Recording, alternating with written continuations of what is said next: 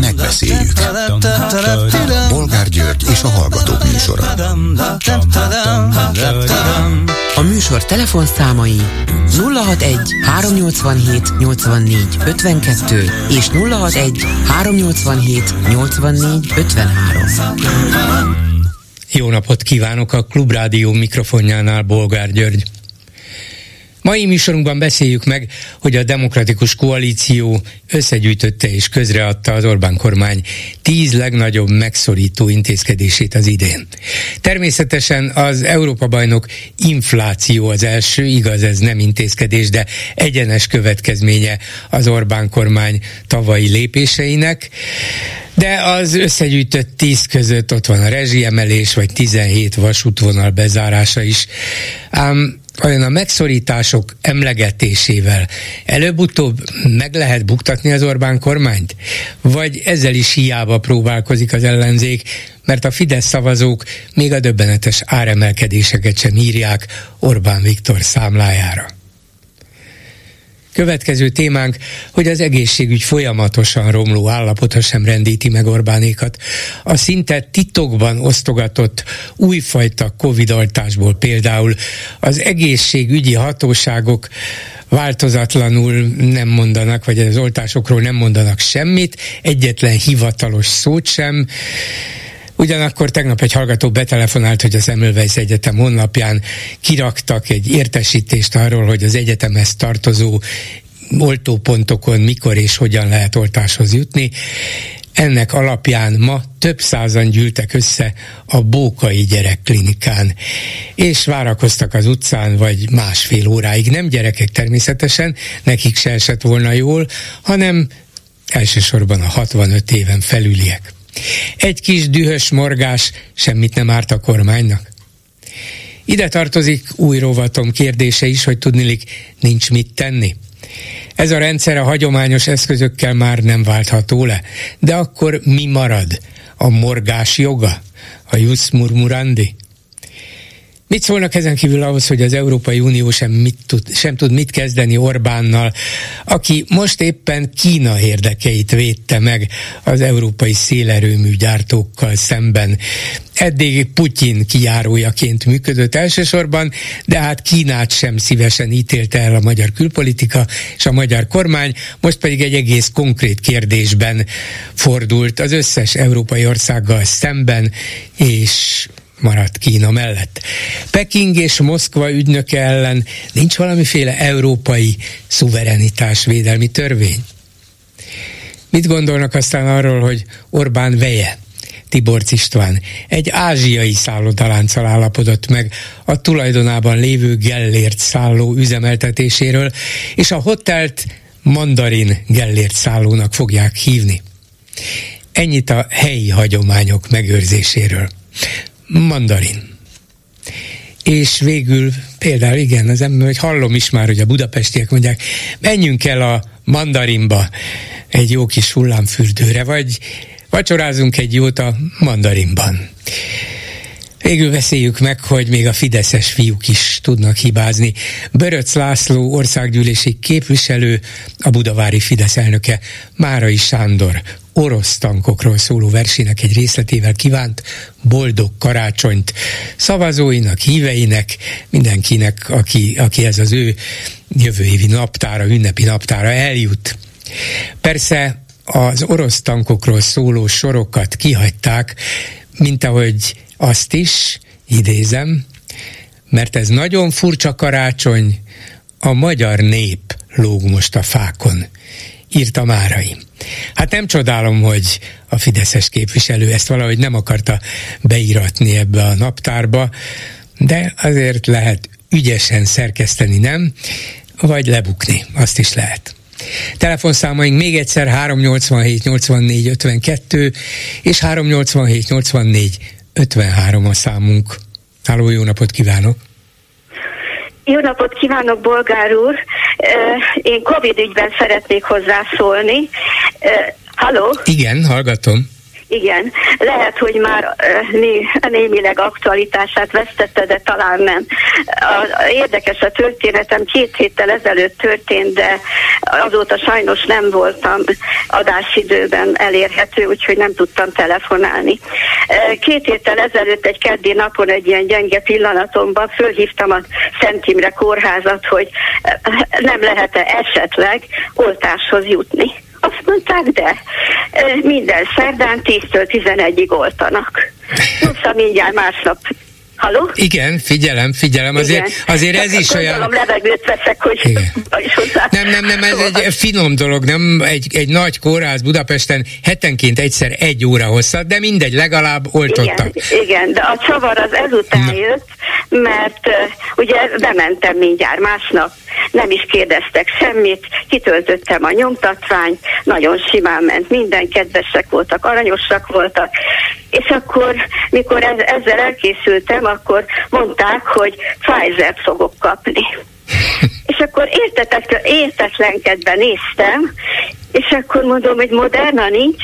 Azt mondja, ki van írva, hogy nincs Moderna. Pfizer van. Kéri, vagy nem kéri? És mit csinált? Ez, hát én kértem.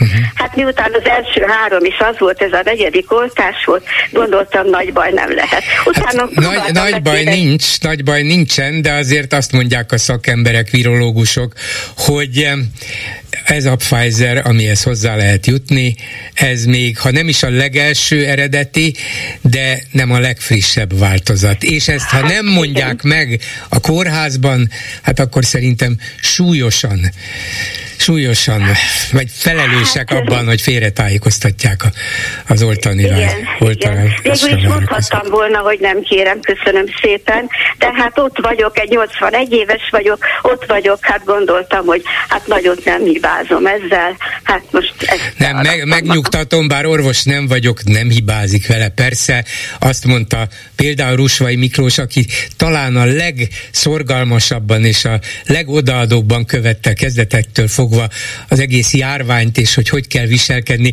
Szóval egy személyben betöltötte a népegészségügyének nevezett központ feladatát, miközben ő azon kívül van, de azt mondta, hogy hát nem a legtökéletesebb, mert ugye új variánsok vannak, de a semminél jóval több, úgyhogy nem, nem hibázott nagyon.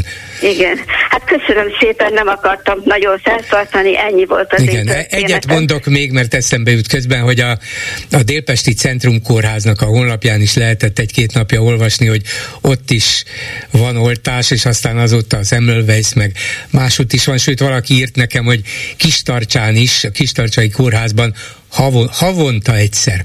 Na mindegy, szóval ez is abszurdum, de a, a Lászlóban, a kiírt szövegben az van, hogy kétféle vakcinát lehet kapni, a Modernának a legfrissebb variánsra Igen. vonatkozó, de ez nem írják, hogy legfrissebb, csak ott van egyfajta megjelölős XXB, és a Pfizer, ott pedig ott van a Wu, ami ugye a Wuhani vírusra utal minden normális feltételezésem szerint, de tudni is lehet, hogy a Pfizer-től új vakcinát nem vásároltunk.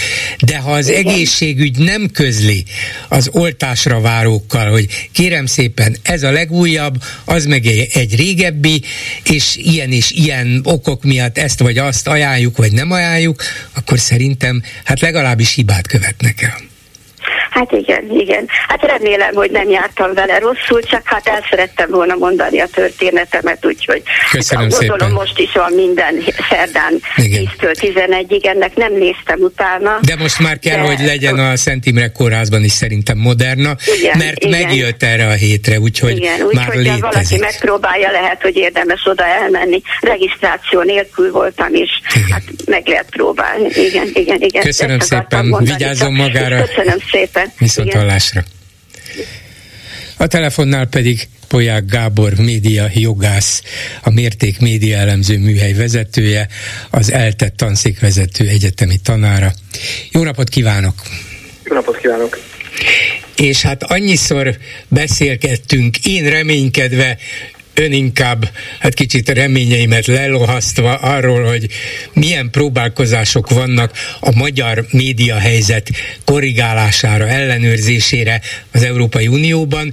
Például többször megvitattuk már, hogy ez a ez az európai média törvény, amiről most itt a, a sajtó hírt adott az elmúlt napokban, hogy tudnilik lényegében megszületett az Európai Unió tárgyalói, a bizottság, parlament illetékesek megállapodtak, az Európai Tanács is, és hát itt ezt már csak valószínűleg az utolsó pecsétre vár, de a kérdés az, hogy miközben elvileg számos olyan dolog van benne, ami a kiegyensúlyozott tájékoztatás alapfeltételét kívánja fenntartani és ellenőrizni az Unióban, aközben lehet-e bármilyen változásban bízni Magyarországon?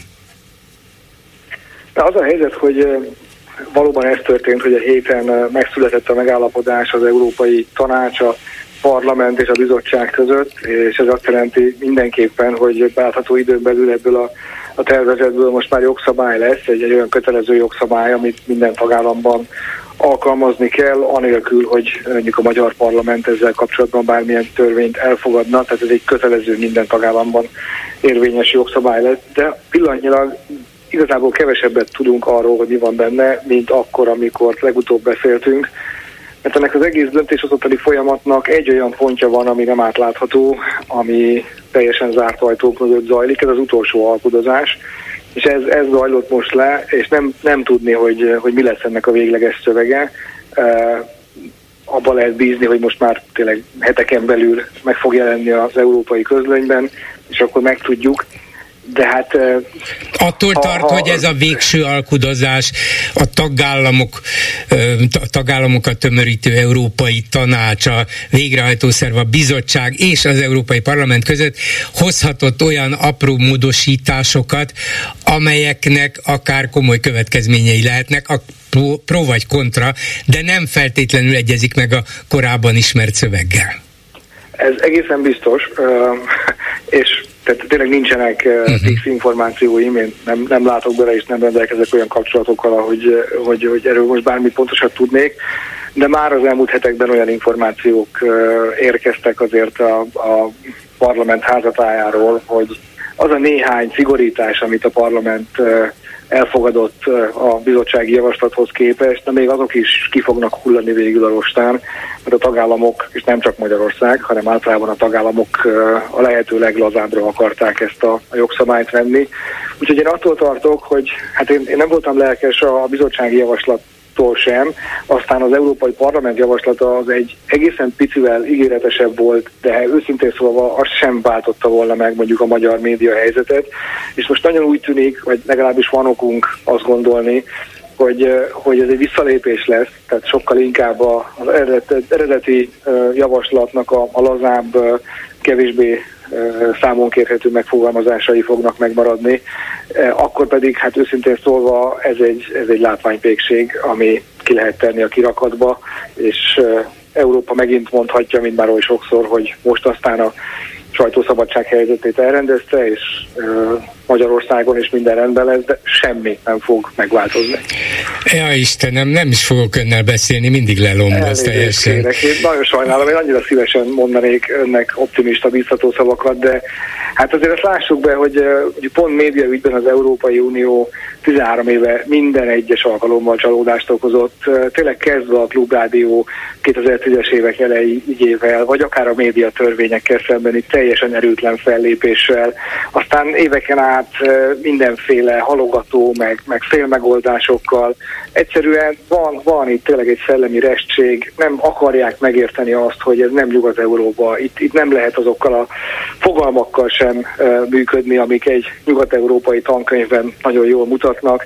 Mi ezeket értjük, de tudjuk, hogy itt, itt nem azt jelentik, sőt semmit sem jelentenek. Ők meg, ők meg 13 évat nem voltak hajlandóak szembenézni azzal, hogy a világ az nem csak az ő kis komfortos fogalomrendszerük szerint képes működni. Hát akkor mondhatnánk Antal József szavaival magunknak, hogy tetszettek volna forradalmat csinálni, ugye? Vagy legalább, mint a lengyelek, tetszettek volna választást nyerni.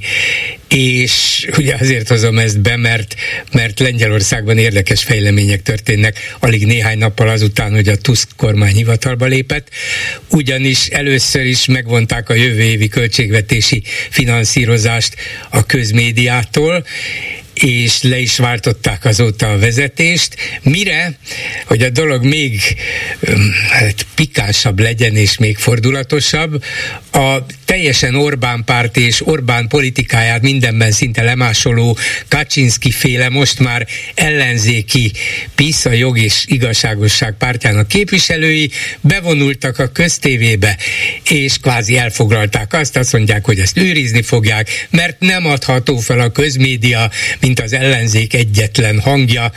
Arra várok, hogy majd mikor, mikor fogja Kaczynski tetlegesen megtámadni a lengyel közmédia biztonsági szolgálatának embereit, hogy aztán bíróság elé állítsák. De nem folytatom ezt az ironikus bevezetést, szóval nincs más hátra, mint valamilyen módon országon belül kellene ezt a dolgot rendezni, már hogyha erre bármi esély volna is? Meg a lengyel helyzetről egy mondat, hogy egyébként az megint egy érdekes próbája lesz az európai józanésznek, mert a Kaczynski azt is megtanulhatta az elmúlt évekből éppen, amit a, a Tusktól tanulhatott el, hogy Európa azért használható, tehát lehet eljárásokat indítani adott esetben éppen a közmédia finanszírozása miatt, sőt, hát ebben az új, most elfogadott törvényben meg kifejezetten azt szerepel, hogy megfelelően elegendő pénzzel kell ellátni a közmédia működését. Tehát adott esetben még az az abszurdum is megtörténhet, hogy egy egy, egy ilyen pártpropaganda fenntartása érdekében, majd az Európai Bizottság fog kiállni és, és megvédeni a Kaczynski féle propagandagépezetet.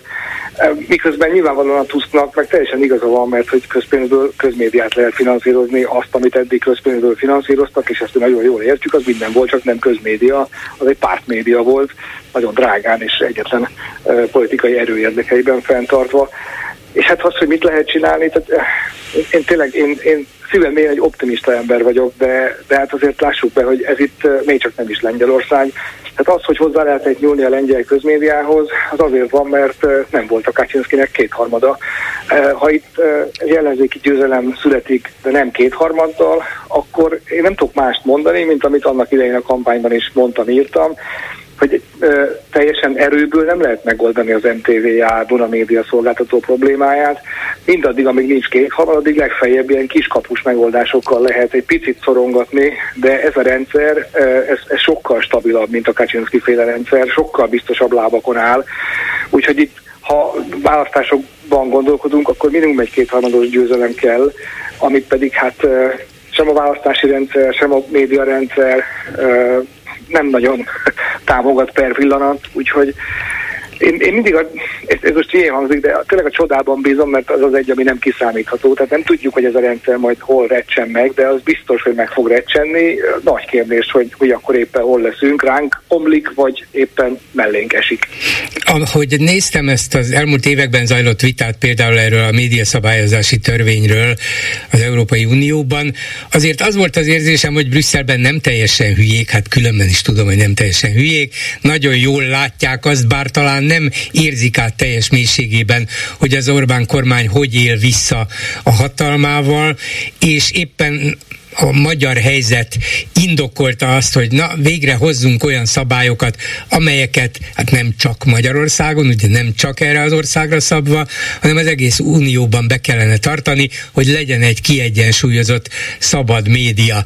De hát ha ebből indultak ki, és például az egyik um, alelnöke a bizottságnak, a Cseh Vera Jourova, ő talán fokkal jobban ismeri a kelet-európai beágyazottsága miatt az itteni helyzetet, vagy a, a gondolkodást, a mentalitást. Ő többször figyelmeztetett arra, hogy Magyarországon mi a helyzet, hogy kellene megállítani Orbánékat, például a médiában lehet, hogy egy idő után a sokféle kisebb-nagyobb kompromisszum, mint annyi másban az Európai Unióban, végül is kiveszi a dolog méregfogát, és emiatt nem lesz hatásos, ütős, eredményes? Én azzal is vitatkoznék, hogy, hogy erre mindenképpen szükség volt akkor, hogyha Európa tenni akart a magyar sajtószabadságért, és elnézést, hogy nagyon sokszor önnel is e, megbeszéltük ezt, hogy elmeséltem, hogy nekünk van két beadványunk 2016-ból és 2019-ből, amik a legklasszikusabb európai jogi területekre vannak felépítve a versenyjogra, az európai versenyjog nagyon szigorúan korlátozza azt, hogy a, az egyes tagállamok a közpénz felhasználásával hogyan avatkozhatnak be piacok működésébe, és nagyon szigorúan szabályozta eddig is azt, hogy a közpénzt hogyan lehet felhasználni a közmédia finanszírozására. 2016 óta nem tudtuk legalább lezáratni azt az ügyet, ami a magyar közmédia finanszírozásáról szól, e, és, és őszintén mondom, hogy azok a konzultációk, amiket folytattunk a bizottsággal, engem egy kicsit mégiscsak abba az irányba e, toltak, hogy de, de ők néha teljesen bolondok, és, és tényleg nem értik. E, a másik beadványunk az pedig az állami reklámokról szólt. Ezekhez nem kellett volna új jogszabály, ezekhez nem kellett volna mondjuk kivívni a német kiadóvállalatoknak a haragját, akik nem akartak a fejükre ilyen szigorú szabályokat, mert ők eddig is jól működtek.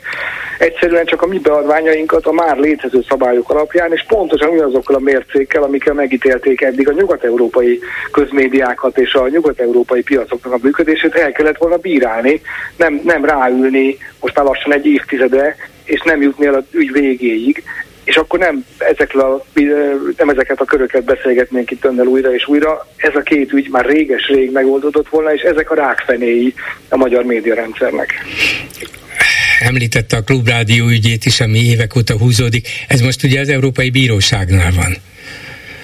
Igen. Igen. És ott, ott lehet valamit tudni arról, hogy egy ilyen ügyet hány évig tologatnak, tolnak arrébb, húzzák, halasztják, vagy, vagy van valamilyen szabály arra, hogy a belátható időn belül mondjuk öt év alatt valami döntést kell hozni?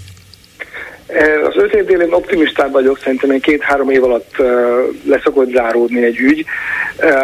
Mondjuk ugye két-három év alatt pont a CEU esetben mutatta meg a legjobban, hogy bár a világon semmit nem lehet helyrehozni, és hát a klubrádió esetében sem az fog történni, hogyha mondjuk akár jövőre, akár két év múlva az Európai Bíróság kimondja azt, amit szerintem ki kell mondania, hogy akkor a klubrádió visszakapja a frekvenciáját. És egyébként ez a fő baj ezzel a törvényel is, amiről beszélgetünk, hogyha mondjuk ezt öt évvel ezelőtt vagy nyolc évvel ezelőtt fogadják el, akkor még lett volna jelentősége a magyar média piac szempontjából, de ma már ezek, ezek ilyen utólag meghozott döntések. A CEU kivonult, a Klubrádió online térbe szorult, a magyar média piacot azt felvásárolták. Hát köszönjük, hogy így tíz év elteltével feltettek ismerni a problémákat, de nekünk már teljesen mindegy marad nekünk Oroszország. Na nem, azért ennyire nem vagyok borulátó, bárki tudja, lehet, hogy csak realista. Köszönöm szépen Polyák Gábor média jogásznak, szeretnék 2024-ben valami optimistább hangulatú beszélgetést folytatni önnel, hát ha lehet még. máshol. Na jó, köszönöm még egyszer, köszönöm minden jót, szépen. szép ünnepeket, viszont hallásra. Önnek is, viszont hallásra. Háló, jó napot kívánok! Üdvözlöm, bolgár úr, nevem telefonszámol hölgyeknél. Parancsoljon. Én a Orbánnak a brüsszeli kalandjával, vagy álmokfutásával kapcsolatban szeretnék egy megjegyzést tenni.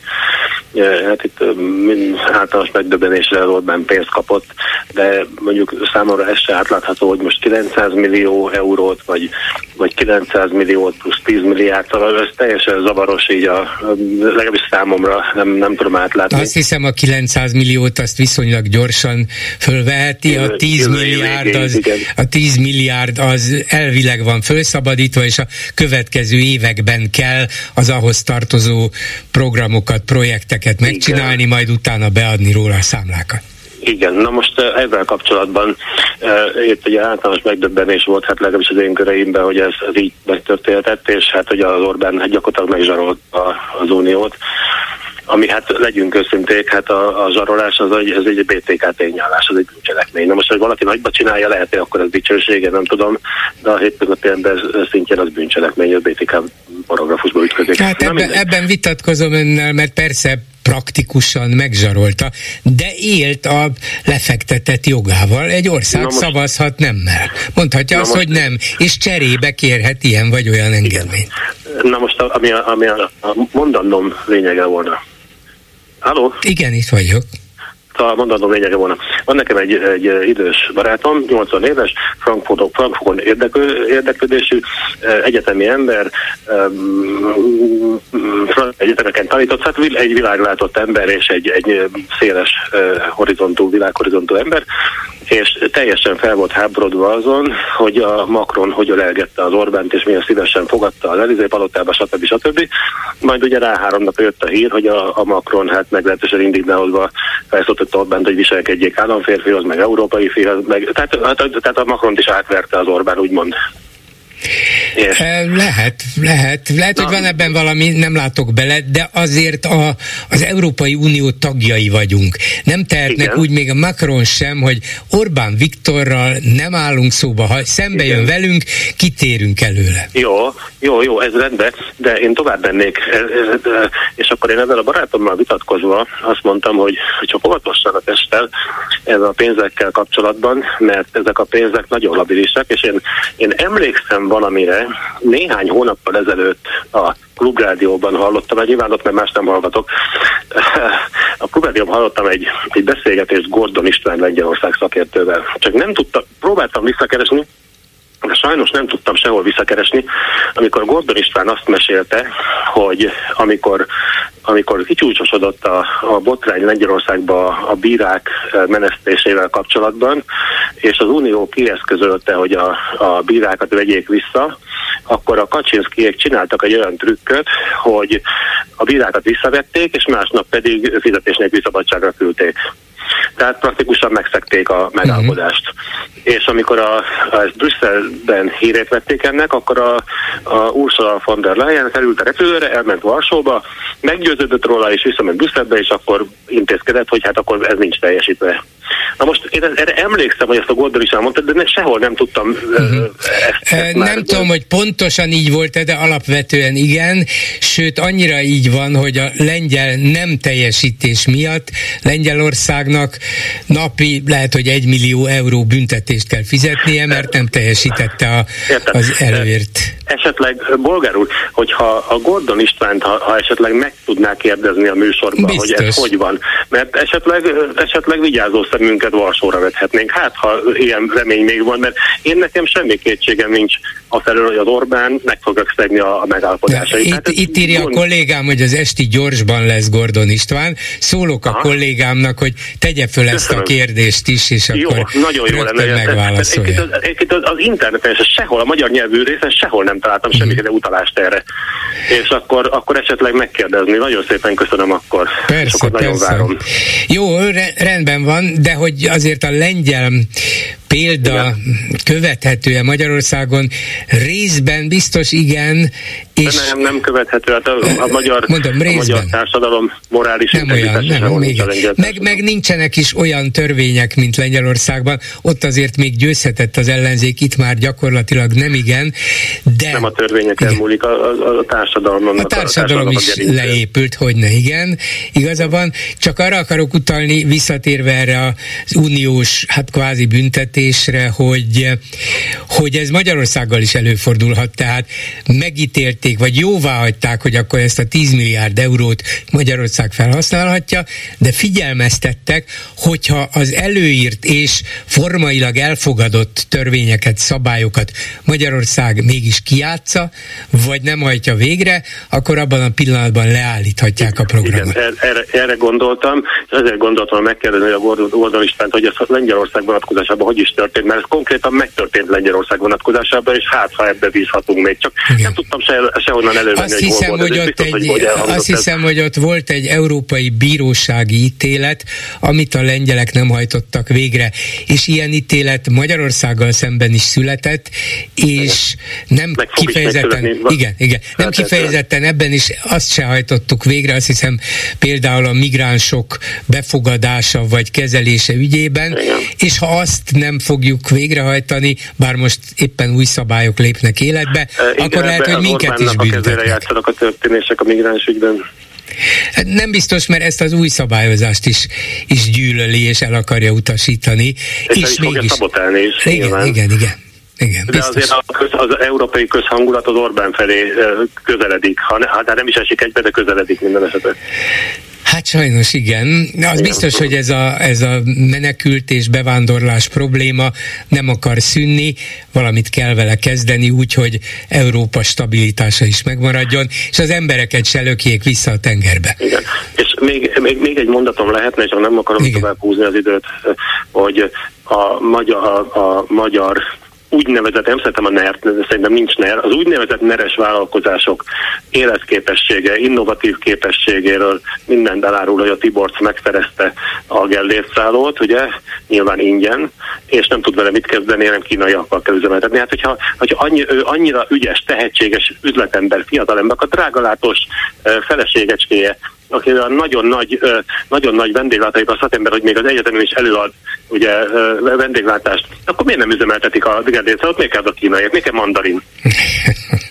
Nyilván hát azért, hát mert azért, mert két balkezes senki házi hát nem azért legyünk ennyiben. Jó, jó, jó, jó hiszeműbbek, hogy jó, ez lehet, jó hiszeműbbek, hogy kellenek nagy szállodaláncok, mert nagy klientúrájuk van, nagy közönségük, amelyeknek egy részét, amelynek egy részét ide hozhatják. A, a, a, miért pont a Tiborchoz kell kerülnie? Miért pont a Tiborc tulajdon hát, kell mert, legyen? mert ez egy nagyon jól eladható szimbólum, hogy láma Gellért szállót, és hogy felvirágoztatja. Még egyszer, de nem a Tiborc virágoztatja fel, hát semmi köze hozzá. Azon kívül, hogy használt beszedi, azon kívül semmi köze hozzá. Igen, igen, így van. Tehát legyünk már objektívek.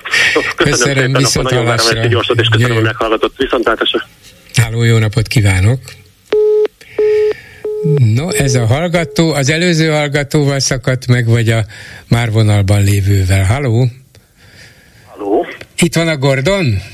Itt a Gordon. Itt a Gordon. Jaj, de jó, hogy hallasz minket és betelefonáltál. Hát mivel hallgatom a műsor, természetesen betelefonálok hogy azt mondjam, hogy szóról szóra úgy van, ahogy a kedves úr említette. Na látod, milyen jók a mi hallgatóink, megjegyzik, amit mondtál, és fölmondják hónapokkal vagy évekkel később Szóról szóra, ez van, nem egy bíróról van szó, több bíróról volt szó, valóban így volt. Ez júli, június 4-én történt, amikor a, amire, amikor sor került a Uniónak erre a bizonyos döntésére, valóban, amit te mondtál, az is pontosan úgy van, hogy egy volt egy határozat, egy döntés, és azt nem tartották be a lengyelek mert abban kellett elszámolni. Egyébként nagyon érdekes. Egy dolog, ami még ide tartozik, szerintem ezt is elmondtam akkor, Igen. hogy a, lengyele, hogy a lengyelek, azok kaptak egy határidőt hogy mikorra kell teljesíteni mindent nekik, és érdekes módon az 2023. december 31. Tehát még van, még van pár percük, de itt természetesen nem ez döntött, ha a Kaczynszki kormány maradt volna uralmon, hatalmon, vagy mondjuk bárminek, akkor egyértelmű a dolog, hogy itt zűrlet volna.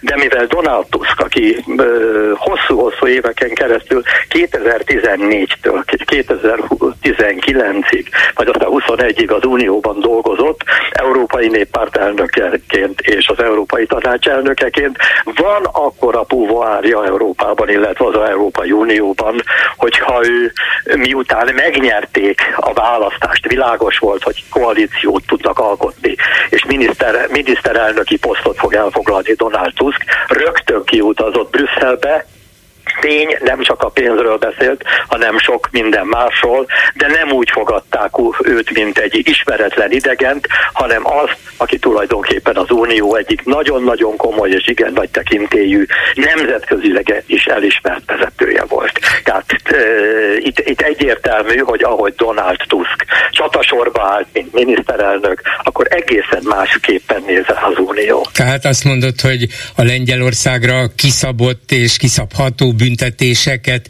sikerül majd valamilyen módon hát megszüntetni, és a lengyel kormány úgy fog együttműködni az Európai Bizottsággal, meg az Unióval, hogy abból a lengyeleknek már nem származik káruk, nem fizettetnek velük. Azokért a mondjuk antidemokratikus intézkedésekért sem, amelyeket az előző kormány hajtott végre, hozott valószínűnek tűnik. Nem, az ember semmire nem mondhatja, hogy, ja, hát hogy igen, így van, igen, vagy igen. úgy van. Ugyanis Lengyelországban változó és bizonytalan a helyzet. Csak uh-huh. egy mhm. példát mondok, hogy én körülbelül másfél évvel ezelőtt mondtam, figyelve évek óta rendszeresen a közvéleménykutatók ö, méréseit. Azt mondtam, hogy most először nyílt meg a lehetőség, hogy az ellenzék, vagyis Tuszkék megnyerjék a választásokat akkor, ha koalíciót alkotva össze tudnak állni.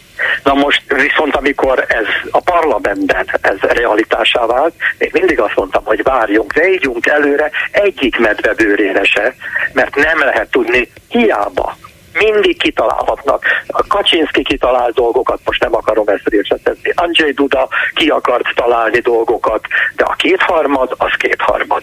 Az tulajdonképpen... Az nekik tervezett. nincs, nem volt, és, és most pláne nincs. Igen. Ez, a, ez az a bizonyos Ez dolog, a kulcs, ami, ami Orbánnak a, van, a, nekik nem volt. És sajnos ez a, mi lel, ez, a, ez a mi lelkünknek is a kulcsa. Kétharmaddal, mi kétharmaddal itt az ég a világon, semmit nem lehet csinálni. Köszönöm Tehát, szépen, hogy figyelsz van. minket és betelefonáltál azonnal, nagyon kedves vagy. Köszönöm szépen. Természetesen. Szervusz István. Szívesen, szervusz, viszont hallásra és aki most van a vonalban, az Piri Kati Celdömölkön született holland európai parlamenti képviselő, a munkáspárt tagja, a szocialisták és demokraták európai képviselő csoportjának, frakciójának tagja. Jó napot kívánok! Jó napot kívánok! Örülök, hogy hallom, már elég régen beszéltünk, de, de egy, hát egy olyan esemény miatt kerestem már egy ideje, és örülök, hogy megtaláltam, amitől nem lettem boldogabb. Ezt tudni, ön se gondoltam. Ez a holland választások is be kell vallanom, hogy nem értem, hogy létezik az, hogy ennek a Hert Wildersnek a szabadságpártja ilyen nagyot győzött Hollandiában. Ez az egyik dolog, sőt azóta látom, hogy még a közvélemény kutatásokon még népszerűbb lett, míg a többi párt egy kicsit vesztett a népszerűségéből. Hát lehet, hogy ez a győzteshez húzásnak a jelensége, de hogy létezik az, hogy egy ilyen abszolút stabilnak gondolt polgári demokrácia, mint Hollandia, ennyire bizonytalan legyen belpolitikai szempontból, vagy mondjuk, mondjuk így pártpolitikai szempontból, hiszen az elmúlt években jöttek, mentek az új és még újabb pártok, hát még egy jó fél év, egy, mondjuk egy évvel ezelőtt megjelent egy farmer párt, és az önkormányzati választásokon tarolt, most összecsuklott, de akkor is teljesen váratlanul győzött. Most augusztusban alakult egy teljesen új párt, amelyik végül negyedik lett, méghozzá elég jelentős szavazattal, hogy lehet, hogy egy ilyen stabilnak gondolt demokráciában szinte hétről hétre, vagy jó hónapról hónapra változik az emberek mm, emberek szimpátiája, hogy na most én ezt a pártot támogatom, azt a pártot támogatom. Néhány hónapja még a Wilders pártja 12 on állt, és most 24-el győzött a választásokon. Miért? Mi történik? Hát ez, ezek mind jó kérdések persze. Szerintem um, fontos a, a hátteret uh, is, a háttérről is beszélni, hogy Hollandiának a múlt 13 évben uh, majdnem épp olyan, olyan hosszú ideje, hogy az Orbán Viktor a miniszterelnök a Magyarországnak, nekünk is miniszterelnökünk volt a Rötö. És az ő pártja a kormányt felbontotta, és ezért voltak előbbi választások. És 13 év után a jobboldali választók um, um, nincsenek megelégedve azzal, amit, amit a, a Röccelek a pártja csinált, és az új vezető az kinyitotta az ajtót, a, a, hogy, hogy, egy, hogy, hogy hajlandó együttműködni az extrém jobbal, a Wilders pártjával.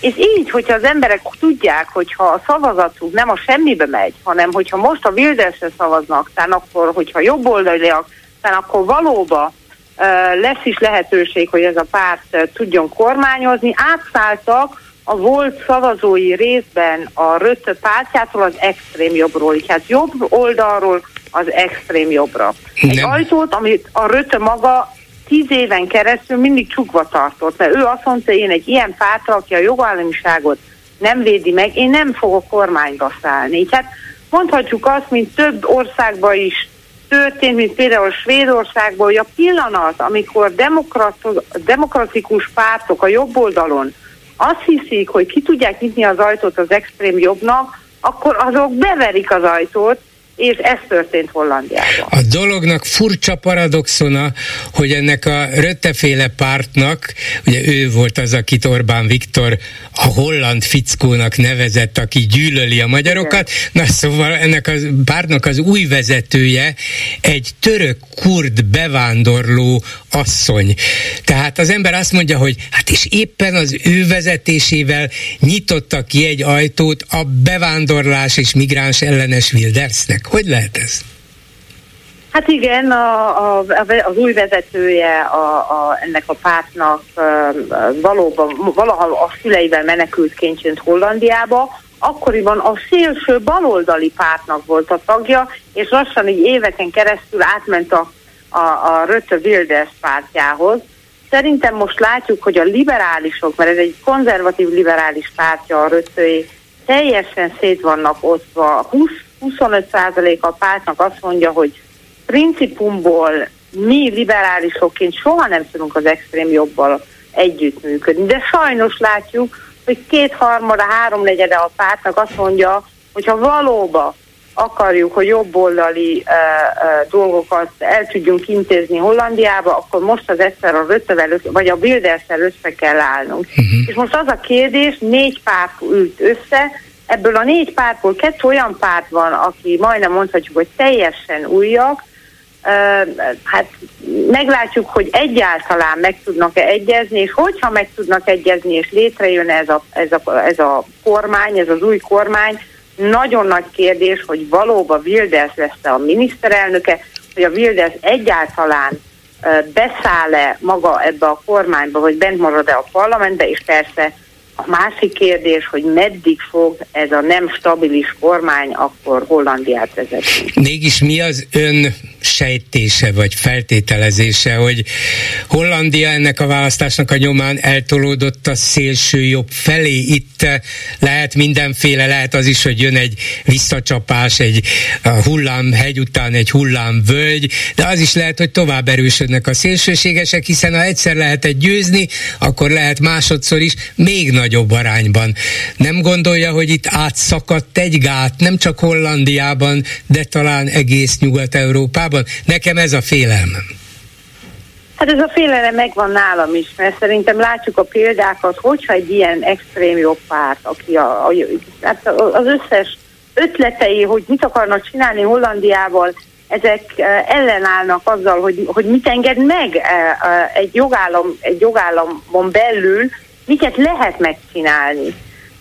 És, és hát ez a félelem, hogyha egy ilyen párt, még akkor is, hogyha három más párt bent van a koalícióba, hogy nem is az még, hogy törvényeket meg tudnak választani, mert azt még nem is hiszem el, vagy de az, hogy ezeknek a beszédjük, a retóriájuk, a kisebbségekkel, hogy hogy, uh, uh, hogy, hogy foglalkoznak, hogy ez belekerült valamiként, a, ahogy mondjuk angolul a mainstreambe, így hát hogy elfogadott beszéd lesz, és uh, én nagyon remélem, és az én pártom mindent meg fog azon tenni, hogy ez a kormány, ez a koalíció ne jöjjön létre az extrém jobbal, de hogyha létrejön, akkor biztosan tudom mondani a hallgatóknak is, hogy a, a, a holland uh, uh, szociáldemokrátok a zöldekkel együtt, mert most egy koalícióba indultunk ebbe a választásba, mi ott leszünk az elején, hogy minél hamarabb akkor menjünk vissza a választókhoz, mert, mert ez egy nagyon veszélyes fejlemény. Az nem lehetséges megoldás, hogy a választásokon második helyet szerzett munkáspárt baloldali zöldek adja a miniszterelnököt, és létrehozzanak a Rötte pártjával, de új vezetéssel, meg ezzel a negyedik helyen végzett jobb középpárttal valamiféle, esetleg másokkal egy koalíciót, hogy kizárják a szélső jobbot? Nézze, a, a vezetőnk, a Franz Timmermans néz az, ő is mondta, hogy, hogy nem nagyon valószínű ez a lehetőség. Uh-huh. Így hát először is látjuk, hogy száz évbe, száz év alatt ez a legjobb oldali parlament, amit megválasztottak ezzel a választásokkal, így hát demokrataként azt is kell mondani, hogy először ezeknek a pártoknak kell megpróbálni, hogy meg tudnak-e egyezni. Egybe a pillanatban nem úgy néz ki, hogy ez az opció rajt lesz egyáltalán az asztalomban, de a jövőbe persze kizárni nem zárható ki semmi sem, de először most ezeknek a pártoknak van a feladatuk, hogy meglássák, hogy a jogállamiságon belül hogy tudnak egy extrém jobbpárttal együttműködni. Na most akkor Hollandi után pár percre még beszéljünk Európáról, az Európai Unióról, a parlamentről, amelynek ön tagja. Nem, most már nem, most már, már két nem. és fél éve a holland parlament tagja vagyok. Tény, látja, ezek szerint ilyen régóta nem beszéltünk. hát és akkor most ezután a választás után is a, az, a holland parlament tagja? Tehát bekerült a parlamentbe? Haló? Ajaj. Igen, bekerült. Igen, bekerült. Szóval a holland parlament tagja a legutóbbi választások után is a, ezek szerint a munkáspárt és a baloldali zöldek képviselőjeként. Na, gratulálok, örülök neki. Köszönöm. De miután van európai parlamenti tapasztalata, arról akartam kérdezni, hogy hogy látja ezt ön és egyébként ha Hollandiában lehet mondani, biztos sokaknak van véleményük arról, hogy Orbán Viktor hogyan packázik az Európai Unióval, az Európai Tanácssal, az Európai Bizottsággal, hogyan vétózik, vagy hogyan fenyeget vétóval, vagy hogyan vonul ki egy kávészünetre, hogyan képviseli Putyin érdekeit. Mit mondanak erről a hollandok, hogy igen, ez a helyes, így kell bánni ezekkel a brüsszeli bürokratákkal, vagy épp az ellenkezőjét, hogy hát ha ennyire nem tetszik neki az Európai Unió, ezt még Rötte mondta egy-két évvel ezelőtt, ki is lehet menni innét. Hát inkább, inkább mondjam, hogy az utolsó opció, így hát a, a Wilders pártján kívül, a Wilders személyesen is szerintem jó barátságban van az Orbán Viktorral, azon kívül szimpátiája az Orbán Viktornak a holland parlamentben nincs, és ne felejtsük el, hogy jó, a Wilders lett a legnagyobb párt, még mindig csak 37 helyük van a 150 helyből a parlamentben. Így hát mondhatjuk azt, hogy nagyon nagy többsége a, a holland parlamentnek még mindig uh, pro-európai uniós, a jogállamiságot meg kell védeni, és az Orbán Viktornak még nincs többségi barátsága itt az új holland parlamentben sem. Így hát, hát látjuk, hogy mit csinál, látjuk, hogy mit csinál majdnem mindegyik EU gyűlésnél. Szerintem nagyon fájdalmas volt látni, hogy, hogy fenyegette most Ukrajnát is, és hogy miért nem meri elmondani magyaroknak, hogy a magyar biztonságra is nagyon is fontos, hogy nem ezek az, a a Putin meg ezeknek a haverai nem ezek nyerik meg az Európai e, e, e, Európát. Uh-huh. És valóban az ukránok azok, akik minden nap a, szintén a mi biztonságunkért is, is küzdünk. És a vér, vérüket adják érte, a mi biztonságunkért is. Így van, így van. A, hát minden nap látjuk a képeket a tévében, hogy mi történik ott, ahelyett, hogy melléjük állnánk, és a szabadságot meg védenénk. Nem ők támadták meg, meg Oroszországot, hanem Oroszország akar szó szerint ukrán földet ellopni, annexálni. Már ezt csinálták 2014-ben, és ezt próbálják a következő hónapokban is biztos, hogy, hogy tovább tenni. És akkor, hogy van egy, egy a 27 um, um, EU vezetők közül, aki a Putin mellé áll, aki a diktatúra mellé áll, aki az agresszió mellé áll, Hát ezt mondhatom, hogy, hogy nagyon kevesen értik Hollandiában. Nem tudom, hogy Hollandiában mennyien tudják, de ez a Hert Wilders Orbán Viktor puszipajtása. Ugye magyar felesége van, sűrűn jár Magyarországra, és, és Orbánnal tényleg a lehető legközelebbi szinte baráti kapcsolatot ápolja. Azért ez nem szokásos a nemzetközi politikában. Hogyha mégis ő lenne a miniszterelnök, az alapvetően változtatna az európai erőviszonyokon?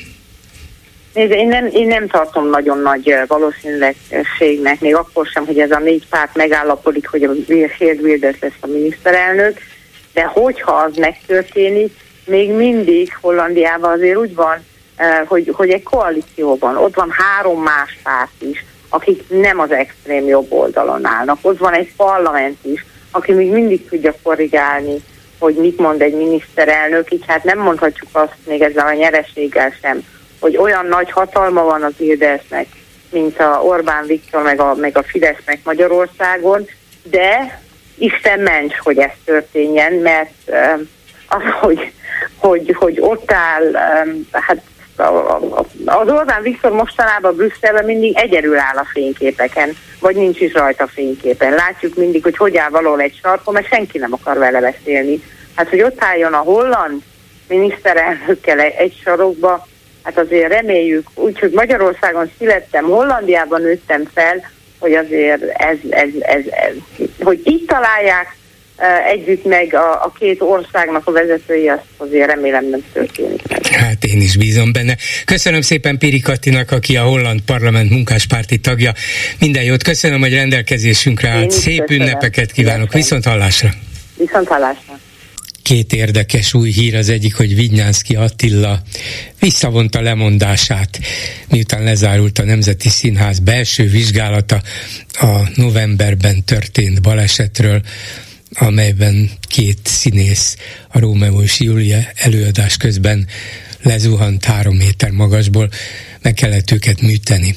Szóval Vinyánszki első meghökkenésében, felindulásában, megrendülésében lemondott, aztán egymás után álltak föl az Orbán kormány, vagy az Orbán rendszer fő kulturális korifeusai, és felszólították arra, hogy maradjon, maradjon, mert nélküle a magyar színházi élet félkarú óriás, hát nem lesz félkarú óriás, meg lesz mind a két karja, sőt, ez a két kar együtt Vinyánszki Attiláé, úgyhogy marad a nemzeti vezérigazgatójaként. És a másik érdekesség, hogy Juhász Péter, az egykori együtt elnöke, elindul az ötödik kerületben, a belvárosban a kétfarkú kutyapárt polgármester jelöltjeként érdekes lesz, egyrészt ez nagyjából biztos Fideszes helynek számít, másrészt az ellenzék, hát ha teljesen nem állapodott is meg, mert a Momentum például Kerpel Frónius Gábort szeretné indítani, az ugye akkor már három, de van egy nagyjából közös jelöltjük, volt szocialista, egy helyi egyesületnek az elnöke. Úgyhogy hát érdekes belső helyosztó lesz az ellenzéki oldalon, talán előválasztással meglátjuk. 387 84 52 és 387 84 53 a számunk. Halló, jó estét kívánok! Halló, halló! Hallgató van a vonalban, vagy Róna Péter van? Halló, Beszél Miklós Őpén. Akkor vagyok. ön van a vonalban, tessék parancsoljon, hallgatom. Jó napot kívánok, Beszél Miklós vagyok. Igen és van önnek egy sorozata, amit indított a... Mm, nincs mit tenni? Nincs mit tenni, na e, ehhez e, kapcsolódnék. E, illetve a Mérő László tegnap előtti riportjával indítanám. Mm, Mérő Lászlónak olvastam egy-két könyvét még, vagy húsz éve, és minden, mint politikai vélemény nyilvánító, hát most, most, most nagy csalódás volt őt hallgatnom, mert a véleménye és az érvelése hát igencsak alacsony színvonalú volt. Én meghallottam, hogy hát a klubrádió és az Orbán rendszer része és annak a fenntartásában vesz részt, akkor eldobtam az agyam. Igen, hát ezt én se, én se értettem, mert ezek szerint mindannyian vonuljunk illegalitásba. Akkor nem leszünk a rendszer részei. De ez Mérő Lászlóra is igaz. Hát hogy a fenébe, ezzel most nagy dolgot mondott, mindannyian a része vagyunk. Persze, egyszerre lehetünk győztesek, vesztesek, ugye? Tehát Jó, ilyen formán mindenki a része, de, ne, de ő nem így értette, hanem hát, hogy a, a klubrádió az, az is kollaborál, vagy én nem tudom, hogy gondolt, hát döbbenetes volt. A másik, a, hogy hát a gyurcsány, és akkor a gyurcsány még mindig itt van, és a gyurcsány nem is írt könyvet, pedig megígérte azt a betelje. Hát, ez olyan súlyos bűn, hogy ez évtizedekig kell, hogy kísértse őt, meg minket. Igen. Jézus Máriám, nem hogy itt a könyvet, hanem bótpofája tovább politizálni. Tehát ez a színvonal, és tényleg én de fölírtam magamnak, hogy ajánlanám Miri Lászlónak, hogy hallgasson egy kicsit Róna Pétert, Okros Lajost, és Kéri Lászlót, akik a véleményüket színvonalasan, igen színvonalasan érveléssel támasztják alá és nagyon örülök, hogyha megint lesz Róna Péter. Hát, Megkérdezem tőle is, hogy valóban nincs mit tenni? Igen, nagyszerű. Nos, amit szeretnék tudatosítani a kedves hallgató társakba, és amivel, mert valamivel tele van a hócipő, mindig azt hallom, hogy a pártok veszítették el a választást. A pártok elveszítették. Bocsánat, leszögezem, nem, a pártok veszítették el a választást. Ahogyan a kormánynak sincs pénze, hanem az adó fizető pénzéből gazdálkodik ilyen jó rosszul, következésképp a pártoknak nincs tőkéjük, a pártoknak a tőkéje a szavazó tábor.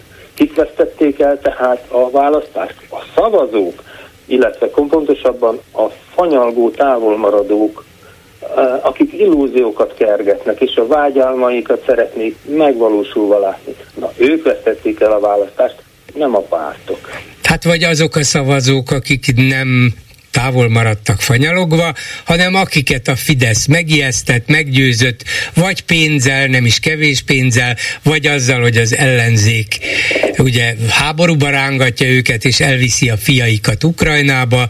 Ez, ez, ezzel persze nem mentem föl a szavazót, mert át kellett volna, hogy lásson a szitán, de hát nem mindenkinek van egyetemi professzori foglalkozása, nem, és ugye hát nem, nem lát át, egyszerűen egy egy-két mondatot hall, és abból levon egy következtetést, és esetleg a Fideszre szavaz. Igen, de tehát táp, tápolt, mindenbe belekapaszkodik azért, ja, mert hogy hát ezekre szavaz, hát ezekre, ezekre szavazni, ugyan már. Kérem szépen, ez mind hárítás és önigazolás, amikor az igen, de. Tehát látja, hogy rossz, és látja, hogy korrupció van, látja, hogy ugye az árak az egekben, látja, hogy az egészségügy hát, alig szolgáltat valamit, és tehát rettenetes állapotban van a szociális háló. Hát igen, de na most ez mind-mind a saját felelősségük hárításra, nem más. Erre szeretném felhívni a figyelmet, aki hallgat, és most lehet, hogy hagyjuk a beszélt, igen, de mikor azt igen. magyarázza valaki, hogy hogyan nem lehet megoldani, és arra nagyon-nagyon sok verziót tudnak felsorolni, ahelyett, hogy azon, hogy hogyan lehet, meg azt mondja, nem volt összefogás. Mérő László is ezt mondta, de volt összefogás. Hogy ne lett volna? Ennél jobb összefogás nem volt, még soha az ellenzéki részről, nem véletlenül szórt ugye hirtelen ki 2000 milliárdot az Orbán kormány. Így van, mert ettől megijedt, igen. Így van. Hát nem Biztos lehetett volna jobb és meggyőzőbb és hatásosabb, hát ezt nem igen. vonom kétségbe, de volt, volt, közös program is volt, igen. Hogy ne lett volna, igen.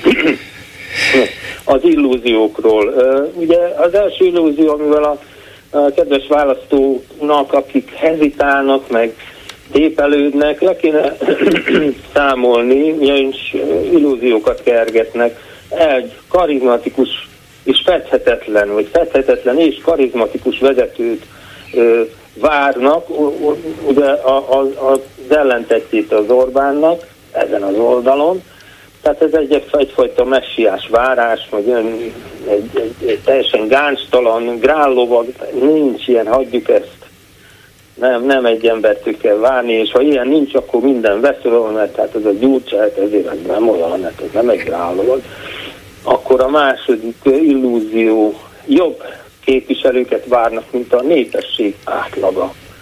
Hát, mert hogy de nem lesznek jobbak, aki vállalja ezt, hogy beszáll a ringbe, bármelyik párt oldalán, hát az, az, az közülünk való, és nem nagyon lesz jobb nálunk ugyanolyan gyarlóak, esendőek, csetlő, botlók, egy kicsit vagy jobban korruptak lesznek. Nem kell jobbat várni. Mint amilyen a társadalom maga. Hát bizony, bizony. De mindig, mindig ez egy jó kapaszkodó, hogy miért nem. Hát igen, de ezek, hát ezek vitatkoznak, bizony vita lesz.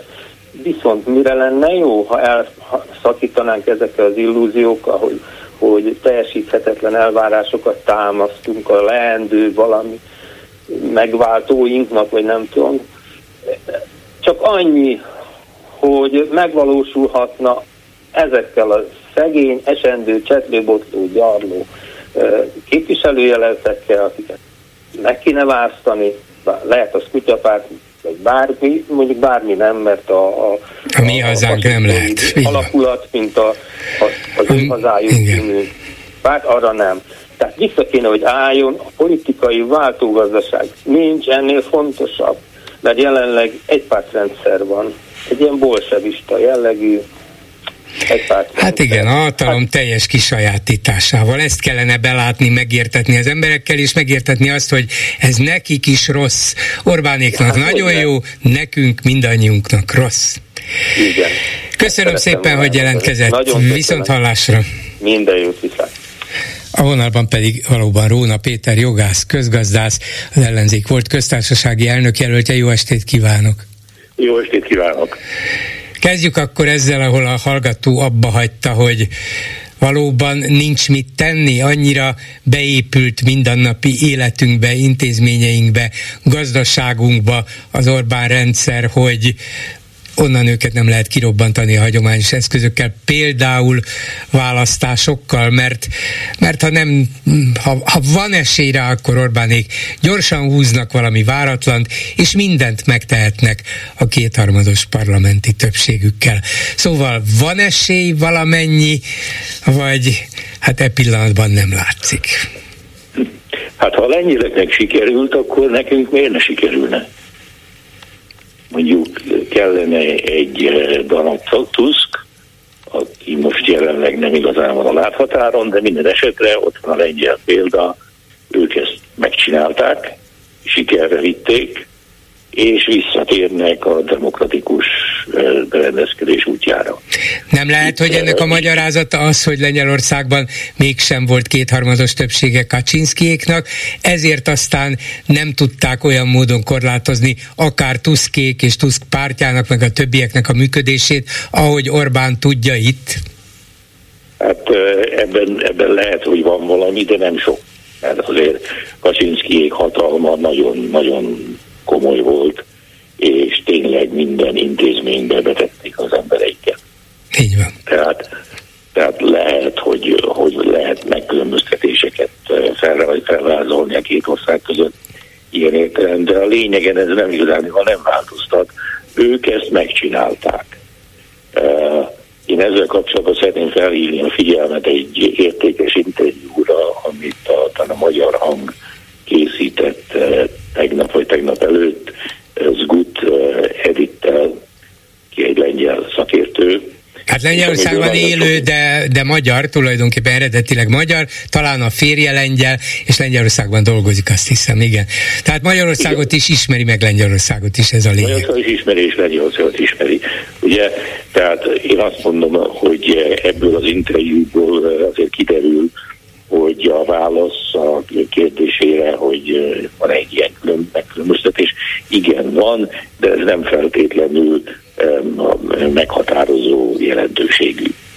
Minden esetre figyelmünkre, mindenkinek a figyelmébe ajánlom ezt a kitűnő beszélgetést, ami sok, számos, nagyon fontos tételre. Mit kellene, mit kellene a magyar Tusknak vagy Tuskoknak csinálniuk, mondaniuk, Igen. tenniük? Igen.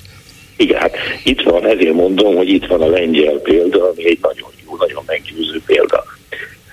Hát kezdjük azzal, hogy az úgynevezett ellenzéki pártoknak mindenféleképpen most is azonnal létre kell hozni egy koalíciót.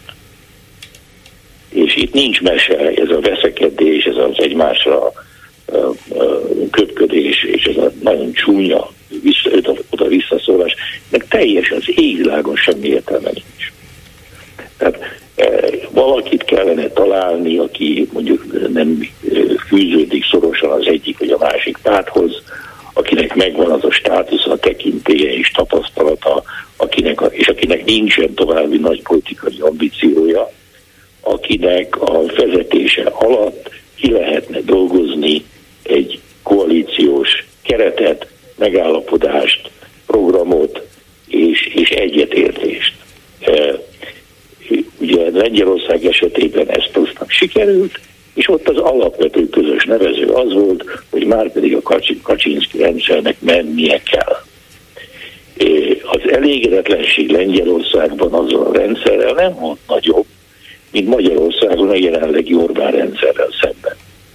És, és Tusznak sikerült, és társnak sikerült ezt az elégedetlenséget megszólítani azután, hogy létrehozott egy olyan koalíciót, amelyik kormányképesnek tűnt az a lengyel választópolgárok számára, és ez a, ez a lényeg, ugye, hogy, hogy kép, majd képesek lesznek kormányozni.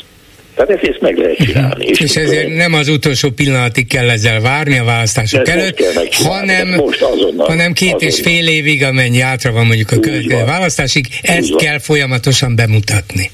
Ezt kell folyamatosan bemutatni, igen. És, és ezt ezen dolgozni kell, ezt csinálni kell, ezt építeni kell, szervezetileg is, elméletileg is, program szempontjából is, személyzeti szempontból is.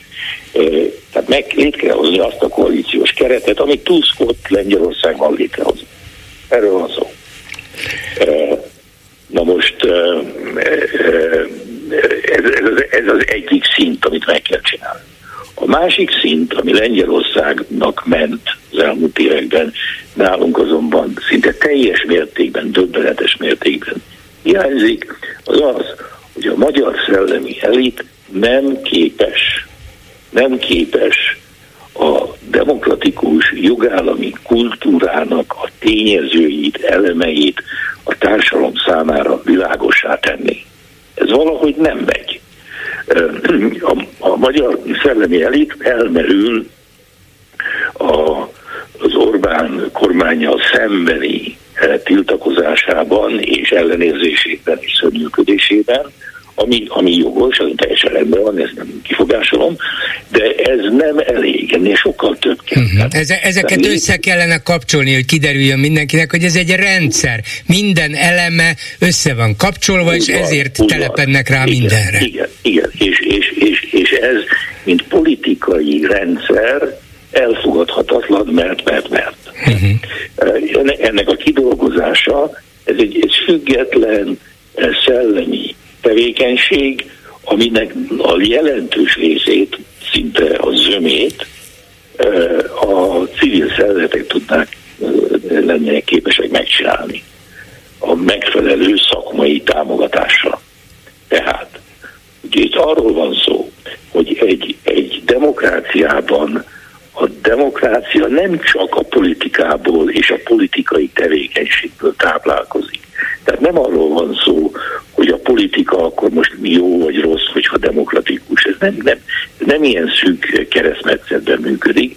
Egy demokratikus társadalom berendezkedése nagyon sokféle hatalmi, szellemi és egyéb központok összefonódásán, összejátszásán épül. Igen. Tehát ott vannak, és ezek mind független hatalmi centrumok. És nagyon fontos, hogy Lengyelországban ezt sikerült felépíteni, illetve fenntartani. Tehát Magyarországon nincsenek életképes szakszervezetek. Kellenek szakszervezetek. Meg kell győzni a társadalmat arról, hogy már pedig a szakszervezeteket, a szakszervezeteknek a jelentősége egy társadalomban alapvető fontosságú, azokat mindenféleképpen támogatni kell, az ő jogaikat eh, eh, védeni kell, és amikor ők kimennek az utcára, mint hogy a tanárok kimennek az utcára, akkor ki kell menni velük az utcára. Az nem lehet, hogy Magyarországon a tanár társadalmat így megalázzák, így kihasználják, így romba döntsék az egész oktatási rendszert, és a legnagyobb demonstrációra tehát talán volt 30 ezer ember. Igen, Romániában igen Tessék? Igen, néhány tízezer volt valóban, ahelyett, hogy egy százezres tüntetés lett volna. Romániában a kormány ott valami hasonlót megpróbált, Romániában az utcára kiment 400 ezer ember. Most ez egy tarthatatlan állapot. És ezt világossá kell tenni a magyar társadalom számára, hogy már pedig ez így nem fog menni. Tehát itt van egy olyan tétel. Egyetlen egy politikus van, aki ezt következetesen minden héten elmondja, ez Hatházi Ákos. Neki speciál még Igen. pártja sincsen, de minden áron Igen. megpróbálja meggyőzni a magyarokat, hogy tömegesen menjetek az utcára, különben nem lesz eredmény. Így van, és igaza van. Tehát itt, itt, itt, itt ezt a magyar társadalom meg kell érteni. Az, hogy ja, hát én nem vagyok tanár, ez nem az én dolgom, ez engem nem ér, ez nem megy. A társadalom, ha egy nemzet vagyunk, akkor tartsunk össze. Akkor vállaljunk felelősséget és szolidaritást egymás iránt. Tehát akkor, és, és mondom, és ott vannak például másik nagy tétel, ami, ami eh, mi esetünkben nagyon súlyos, ugye az, hogy az egyházak teljesen a politikai hatalom zsebében vannak, mint ahogy mindig is ott voltak.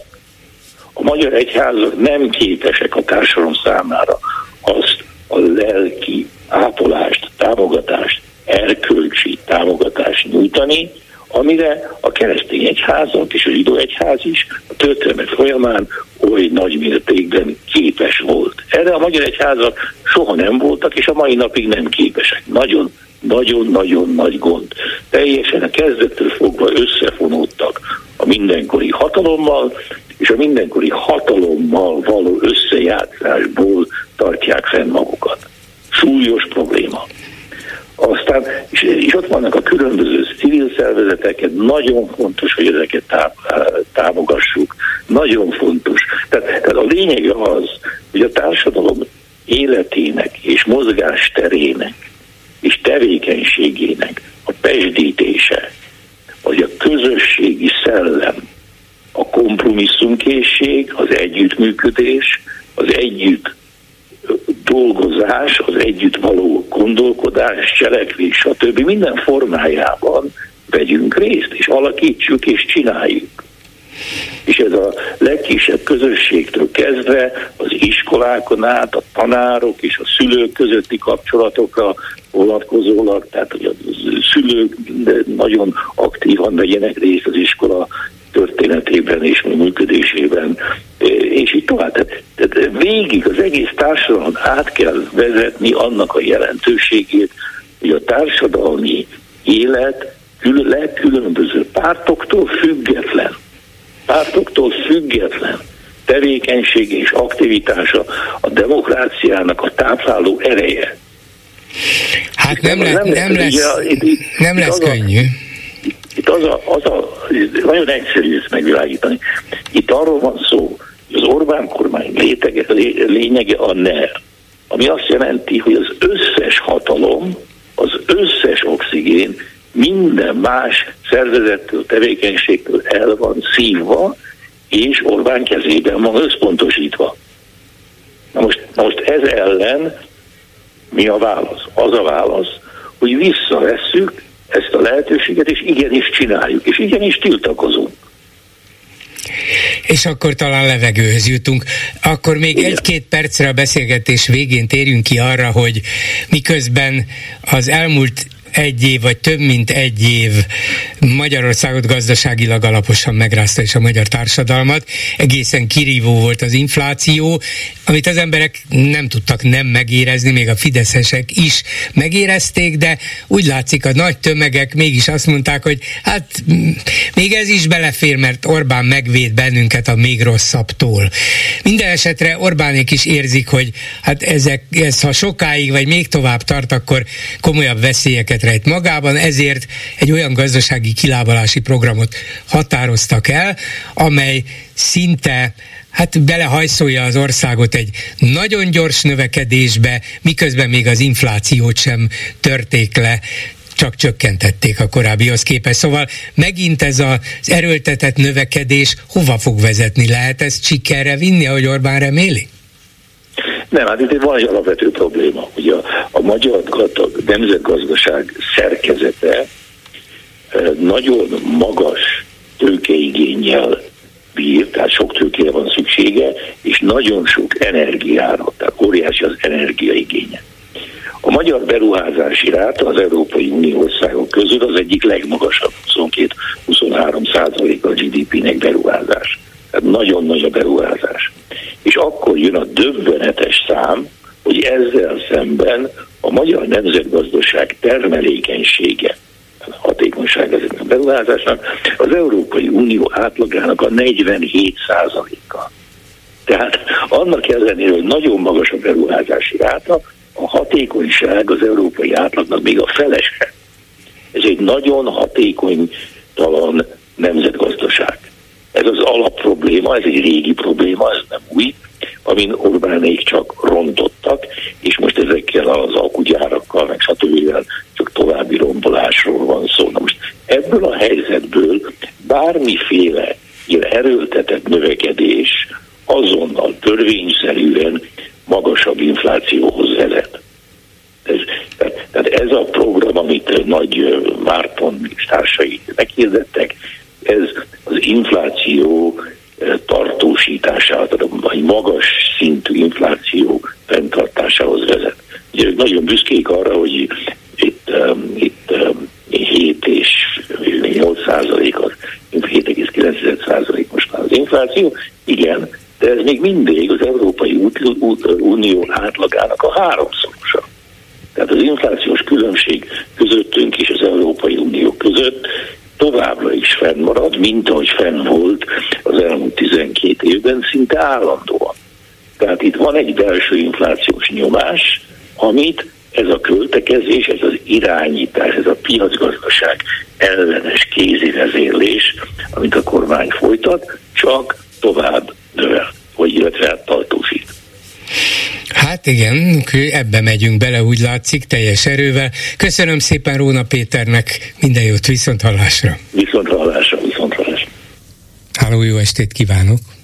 Jó estét kívánok, Bolgár úr! Ö, utoljára, amikor beszéltünk, én voltam, aki azt mondta, hogy a Orbán Viktor ultizik a kocsmába az emberekkel, és mondtam, hogy ez tiltott szerencséjáték, utána jött a Molnár Zsolt, és ő mondta, hogy hát ez, hát ez nem probléma, hogy ultizik. Nem, itt nem ez volt a probléma, hanem hogy pénz volt az asztalon. Tehát a pénz, nem lehet pénz az asztalon, hogyha kártyázunk, mert az tiltott szerencsejáték. De nem ezért telefonáltam, csak úgy, mert a Molnár Zsolt olyan kis izé volt, olyan nem tudom. Ez a nincs mit tenni, ez jelentkeztem, de van mit tenni, és akkor most minden... Érdeklődéssel hallgatom, hogy mégis mit Mi? és hogyan. Ó, hát én már meg is nyertem 2006-ban. Ja. Az az igazság, hogy ugye sajnos elég sokan meghalnak a négy év alatt, aki ellenzéki szavazó volt, ugyanez mondjuk érvényes a másik oldalon is, tehát valami hasonló lehet, de újak is lépnek be, de viszont most érvényes az 2026-ra, hogy tényleg mindenki vegyen magával, aki ellenzéki szavazó, vigyen, hozzon olyan két embert, aki nem szavazott az ellenzékre.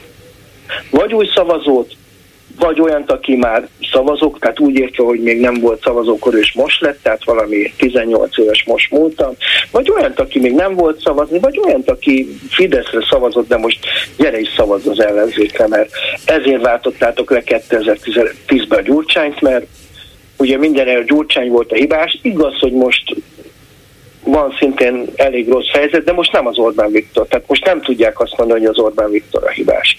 Én ezt mondom, tényleg akkor jó, a pártokat látjuk, hogy annyira nem nagyon tesznek meg semmit, biztos valamire össze fognak állni, de hát az, hogy, az, hogy a, a szavazók, hogy a szavazók vigyenek magukkal még egy vagy még két embert, hát ez szépen hangzik, és matematikailag be is válna. Na de egyrészt nem várhatja az emberektől, hogy ezt megtegyék, ahhoz Miért nagyon akt- Hát azért, mert reménytelen, el se jut hozzájuk az ön kívánsága. De, de, de aki, de bolgár úr, aki hallgatja a klubrádiót, az egy valószínű, hogy a 90% elkötözött ellenzéki szavazó, aki azt akar, hogy ne az Orbán Viktor legyen 2026-ban. Akkor most mutassuk meg. Vigyen, mi, én is el fogok vinni még két ember. Ez, ezt jól teszi, aki... jól teszi, csak hát ezeknek az embereknek mondjuk, akik minket hallgatnak, megvan a maguk érdeklődési köre, baráti köre, rokoni köre, és azok feltételezhetően többé-kevésbé hasonló állásponton vannak, ha meg nem, akkor meg gyakran nem is állnak szóba egymással. Hát hogy nyúljon a hóna alá annak, aki megrö, megrögzötten Fideszes, és hogy mondhatja neki ezt, hogy ide figyelj, hát hülyeséget csinálsz, hagyd ott Orbán, gyere velem, elkísérlek a szavazóhelyiséghez. Csak annyit kell, hogy az ellenzék valami tökéletes mondókákat találjon ki a most nem lenézem az embereket, de a szavazó, az átlag szavazónak, hogy mivel érveljen, hogy gyere el és tegyük ezt meg. Tehát lehet itt azzal is érvelni, hogy, a, hogy micsoda sikeres tényleg a Tiborcs meg az Orbán Ráhel. Van egy üzletük, ami nem piaci alapon működik, a Bavabolt. Azt hiszem 60 millió mínusz termelt. Ezt tudják, piaci alapon ők ezt tudják egyébként. Minden másba épp véletlenül pont arra adott az unió pénzt, épp véletlenül támogatást kaptak erre-arra, csak ebből tudnak profitálni. Tehát bemutatták, hogy ami, ami, ami piaci alapon működik, a két bababolt, az mind a kettő veszteséges, ennyi. De én mondom, hogy én is nagyon sokat szoktam megkérdezni az ellenzéket, de ezt kell csinálni kell keresni mindenkinek két embert. Én is nem igaz, hogy valaki a munkahelyén nem talál két embert. Meggyőzött, aki, már, meggyőzött már az életében, munkahelyén, akár baráti társaságban valakit, ne. aki Családom Orbán híve volt, és azt mondta, hogy Hogyne. tényleg? Hogy csinálta? Ahogy. Hát elég jó beszélőként van, meg elég jó tudok kérvelni, és elmondtam és megmutattam nekik, hogy hiába tudod, miért kaptad, mert te is beleestél. Tehát a gyerekek is kétszer szavaztak az Orbán Viktorra, legközelebb nem fognak. Uh-huh. És a páromat is elviszem, aki soha nem ment el szavazni. De jó, már elvittem ezután, de most a gyerekek ott van, már kettőt viszek. És a párom is fog vinni kettőt. És a munkahelyen is el lehet, tehát a munkahelyen is, mikor mondják, hogy mert a Gyurcsány rosszul vagyok, még a nevétől is nem mondom, mondd el, hogy miért. Mert akkor volt munkám, vagy nem volt munkám, most meg van munkám. Oké, okay, mondom, de a szemedet kilopják. Mondom, nézd meg, hogy... Tehát el kell mondani az embereknek, hogy mi történik. Én tudom, hogy hogy nagyon nehéz meg fanatikusokat, de a, a bizonytalanokat igenis, hogy rá lehet venni, hogy gyerekek, Értsétek már meg. Jó, nem tudom leellenőrizni, most elmente szavazni, mert nem álltok ott mindenkinek a nyakán, de de, hát de... nézze, ha valaki hajlandó ilyen vitákra, mint ön, akkor azt mondom, hogy ezt érdemes megpróbálni, mert, mert az igazság a mi oldalunkon van, a tények a mi oldalunkon vannak, az erkölcs a mi oldalunkon van, tehát végeredményben könnyű dolgunk volna, de mégis nehéz ezeket az embereket. Még le se állnak vitatkozni inkább. De nem kell vitatkozni, mert azt kell mondani, hogy a Gyurcsány volt mindenére hibás. Mindig alá kell futtatni őket a dolgoknak. És azt mondják, hogy igen, a Gyurcsány volt a hibás. Akkor most miért nem az Orbán Viktor a hibás? Gondolkodjál rajta. Akkor is voltak külső. És ma, aki egy piciért, én tudom, hogy nagyon nehéz, de akkor még be lehet nekik mutatni. Ez, ez olyan, olyan felháborító, mikor azt mondják, hogy a, a, a, az M6-osba, hogy mennyi alagutat fúrtak, hogy ellopták a pénzt, biztos, hogy loptak pénzt, csak erről van tanulmány is, hogy ott több lett volna elszállítani a földet, mint, amennyi, mint ahogy fúrtak ilyen alagutat. Tehát erről van szintén egy tanulmány. Ez ugyanúgy, mint a völcsidat is, mert a gyurcsányék, mert a völcsid. Igen, igen, de ki kezdte el a völcsidat? Az Orbán Viktorék. Tehát az alapján, a terv alapján építették meg. És most az, ugye ez most... a Zalaegerszegi autópálya, ez 170 nem, milliárd nem, helyett nem 400, ilyen, bolgár csak gyors nem forgalmi, gyors forgalmi út, igen, igen, igen. igen.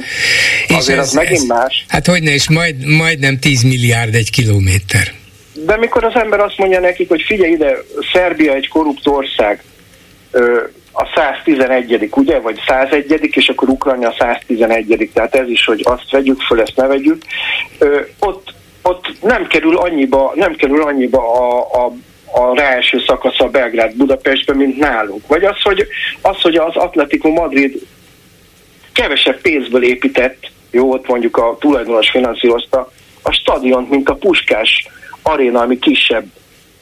Ezek, ezek olyan dolgok, hogy, hogy lehet, itt, lehet itt beszélni, meg, meg mindig ez az elszámoltatással is jönnek, gyurcsányt nem. De hát ha találtak volna valamit, el tudod képzelni, hogy nem börtönben lenne. Igen. Hát, hát ezek olyan dolgok, hogy, hogy hogy nem, nem is értem az embereket, hogy, hogy tényleg a Császi Zsolték három évet ültek. Hát itt minden nap olyan dolog történik, amiért egyszerűen a lovat, azt a lovat is most azt ilyeneket adok neked egy lovat. Hát nem te adod, én adom, én vagyok az adófizető. Igen. Nem te adod. Ne, igen, És hogy igen. került az a, a villámgyorsan, hogy került arra az autóra az a magyar zöld rendszer? Hát ez egy, per, egy, egy millió perc, év, vagy nem tudom egy mennyi. perc alatt felszerelik, hát ez nem. Jó, de hát ezek olyan dolgok, amiért, amiért máskor már lángolt volna a, az Andrási út, meg minden. Tehát mikor azt mondják, hogy kilövette a szemét a gyurcsány, hát ott állt és mondta, hogy lőjék ki. Az én szememet miért nem lőtték ki? Tehát, tehát én nem is tudom, a Vona Gábor is így akar visszatérni a politikába. Ő neki kell tudnia, mondjuk ezt nem, de így valószínűleg neki kellett tudnia, hogy mi volt 2006-ban. Biztos. És nem mondja el. És nem, miért nem mondja el? Miért nem áll ki? Ha már annyira tiszta lappal, meg második reformkor, tehát az embereknek a, a 5%-a fogja ezt megjegyezni egy második reformkor, mert azt se tudják az emberek, hogy mi volt a reformkor, de egyszerűen nem is értem, hogy, hogy tényleg a Vona Gábortól nem kérdezik meg, hogy Gábor, visszatértél a politikába, korrekt ember vagy lemondtál mandátumodról, mert megbuktatok, stb. nem sikerült. De állj már ki, és mondd már el, hogy mi volt 2006-ban. Hát igen. Amit tudsz. Mondd el, mondd el, hogy tudjunk ezzel is támadni, hogy tudjunk ezzel is érvelni. Hogy igenis ezt a 2010-ben le kellett váltani a szocikat, el kellett küldeni a francba őket, mert hazudtak, megbízhatatlanak voltak, csinálták a hülyeséget csak a haverok, na de 13 éve mi van? Annak a sokszorosa. Így van. Hát próbálja meg megértetni, és talán a hallgatók közül is néhányan hát, ismerőseikkel. Érdemes megpróbálni mindent, nem beszélek róla senkit. Tényleg az az úr, aki mindig betelefonál, hogy van egy klubrádió ilyen, ilyen kedvelő csoportjuk, Facebook, ott igenis le lehet írni, hogy gyerekek, nem, így kell érvelni, úgy kell érvelni. Ezt, azt is, tehát nem lehet, nem lehet azt csinálni, hogy ne, ne törődjünk bele, ne törődjünk hát bele. Igen, nem szabad, de tényleg mindig kell vinni. Ez tényleg egy jó duma, hogy mindenki hozza magával még egy embert, és akkor meg lesz. Köszönöm Most szépen. optimista vagyok egyébként, nem szoktam az lenni. Na jó, köszönöm, viszont hallásra. Én is minden jót viszalás. Háló, jó estét kívánok. Jó estét kívánok. Nagyon jó, volt eddig a, nagyon jó volt eddig a műsor, én megmondom őszintén, a lengyel kérdéssel kezdeném, meg összefügg azzal, amit mindig teszik kérdezni, hogy van-e megoldás, vagy nincs megoldás. Mikor beszélgettünk, többször is elmondtam, hogy a lengyel választásokat én szoktam azt mondogatni, hogy igenis a lengyel ellenzékek és a lengyel választók kikövetelték az összefogást, ott pár csoportokat alakítottak, és a pár csoportok indultak a választáson önálló listával más választási rendszer van egy kicsit Magyarországon. Persze, igen. És az egy, az egy alapvetően arányos választási rendszer, tehát ennyiben könnyebb de dolgok. ettől függetlenül szükséges volt az összefogás, úgyhogy a, a, a, a Tusk összehozta a, a volt ö, szocialista párt, az, a volt baloldalt, ami nagyon kis, kis, kicsivé vált Lengyelországban, Kasszinszkiek alatt, és összehozta az ő, ő, ő, pártját is. Na és, és még egy ilyen magyar... középjobb pártot is összehozott, az volt a harmadik, igen. Most a Varsói gyorsot régebben is mindig szoktuk mondani, hogy Varsói gyors megért Budapesten, emlékezik meg Budapestre. Azért a Tuskot mi magyarok ismerhetjük, mert akik ki voltunk a, választás a kampányban, ha műegyetem előtt beszélt a Tusk Magyarországon a, a, a, a Márkizainak a, a, a gyűlésén, igen, igen.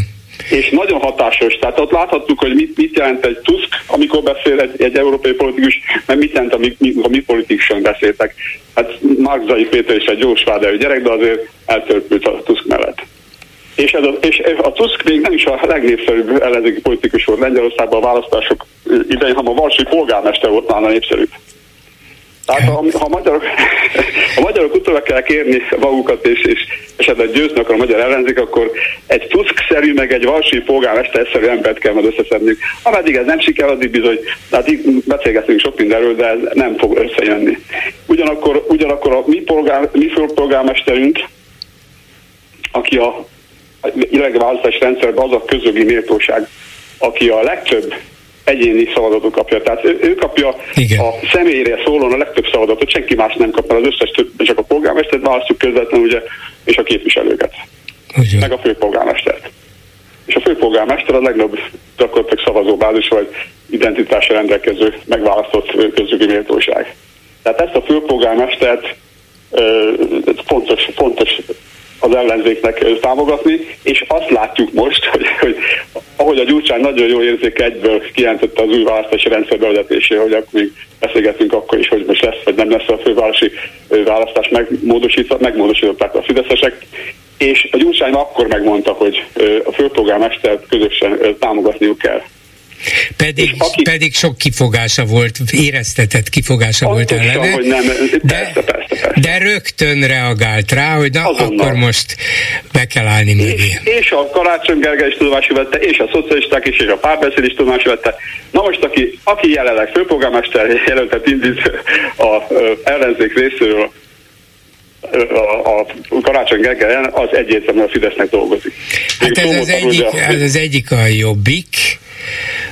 ugye? Igaz, hogy, igaz, hogy Budapesten... fog indítani.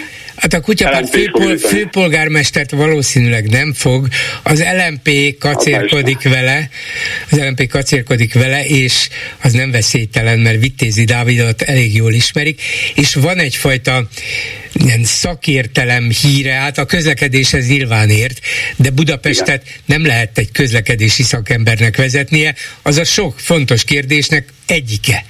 Tehát azt mondani, hogy legyen ő a főpolgármester, mert tudja, hogy mennyi legyen a vonat, és hogy legyen a villamos, meg mi legyen a tömegközlekedéssel, meg a biciklivel, ez egy fontos dolog, de egy város élete nem csak ezen múlik. Minden esetre sokakban fölkeltheti azt a várakozást, hogy na, végre akkor majd tudok közlekedni, és tudok parkolni, milyen jó lesz. Én voltam az, aki, amikor beszélgettünk róla, amikor még nem volt ez a, a, az a fölkerült az ő neve, Vitéz Dávid neve. Én örültem volna neki, ha, ha ő jelölt lesz, mert esetleg a, a az ellenzéknek jelöltje lehetne valamilyen utódó, tehát akik nem a Karácsony támogatják, hogy ö, esetleg a kormánypártok, a kormányra tud kapcsolatot teremteni. De most miután ez a választási ö, ö, változás megtörtént, a választási szabály megtörtént, most nincs mese. Itt össze kell fogni a, a Karácsony mellett. A Vitézi Dávid most elindítja akár kicsoda vagy a Fidesz indítja, még az sem biztos, hogy nem indítja a Fidesz. Egy, egyértelműen, hogy a Karácsony Gergely ellen megy. Igen. Igen, ez, ez most így van, így látszik. És még egy, még egy javaslatom lehetne, ha, no, tehát a, a, a, lengyel példát nem tudjuk, ha a lengyel példát nem tudnak másolni, boldogat lenni. A lengyelek megszerezték a pénzt, most már most utalnak tusznak pénzt, és már beadták a, a jövő év elejére már egy csomó pénzre az igényüket, a magyaroknál pedig a, beszéltünk róla, hogy az Unió okos, tehát ugye most alkudoztak az Orbánnal, de nagyon nehezen fogja az Orbán a pénzt, sokkal nehezebben, mint a tudsz hozzá fog jutni. Hát ez a, biztos, ez nem kérdéses, csak sokakban van az az aggodalom, hogy na hát ha elég kitartóan zsarolja az Európai Uniót, akkor lám, mégis csak pénzhez jut. Ő már annyira elment, az, a, annyira elment a, a, a kínai meg az orosz képviseletbe, hogy már párjává válik Európában, addig a rövid ideig még ez, a, ez, a, ez, a, ez az unió lesz. Tehát gyakorlatilag elkép, elképzelhetetlen, hogy vele szóba állnak, és hogy pénzt adjanak neki, csak azt, azt, azt én sem tudom, hogy, hogy ha az Európai Uniós választás megtörténik, és valamelyes jobbold előretörés lesz, hogy akkor mi történik, azt nem tudom, más, más se tudja. Viszont amit szeretnék kérni, hogy ha majd ez a, ez a állandó témakör, hogy van-e, van esély, vagy nincs esély, hogyha hogy lehet valamit tenni, hogyha a politikusokat, tehát a hivatásos pártpolitikusokat, hogyha lehetne is megszólaltatni, ne csak a néző, ne csak a hallgatókat, mert a hallgatók elnézést, annyi hülyeségről beszélek. Jó dolog, hogy szót kapnak, meg én is szót kapok, de a pártvezetők, hogy ők mit mondanak erről, és főleg azokat, ha lehetne, akik a Karácsony Gergely Megpróbálom persze megkérdezni őket, de azért ne legyünk naívak, mert ők biztos azt mondják, hogy hát hogy ne volna mit tenni. Ha ugyanis azt mondanák, hogy nem, nincs mit tenni, akkor ja. vehetnék a kalapjukat is, de nem de, is akarják, de... meg hisznek is abban, hogy valamit érdemes tenni. Igen, és, és, és tehát most, most már mellett nincs, nincs sok idő, tehát mellé, mellé kell állni annak, hogy kell összefogás, mert összefogás nélkül semmilyen esélyek se lesz, még, még a főpolgármester választáson is lesz esélyünk, hogyha nem fogunk össze. Tehát, hogy most már, most már hadd jussanak ők is szóhoz, mert a pártok nélkül nem lesz választás, akármennyire is utálják se valaki a pártokat. Mert végülis a legnagyobb párt jelenleg 35 vagy a közménykutatás mai után 35% a pártélkűek, a 25% az kormánypárt, 15 a, a, a, a DK. Tehát így állunk most igen, a, a Köszönöm szépen, szépen. viszont hallásra. És itt van Lőrinc Saba, hogy elmondja, hogy a Facebookon mit írnak, amit mondtak hallgatók, azt hallottuk. Szia Gyuri, köszöntöm a hallgatókat. Rögtön egy téma Vignyánszki le vagy felmondása. Illetve annak visszavonása. Annak visszavonása kapcsán. Vigyánszki felmondása csak egy hirtelen felindulásból elkövetett rövid becsületességi roham volt, de már szerencsére elmúlt.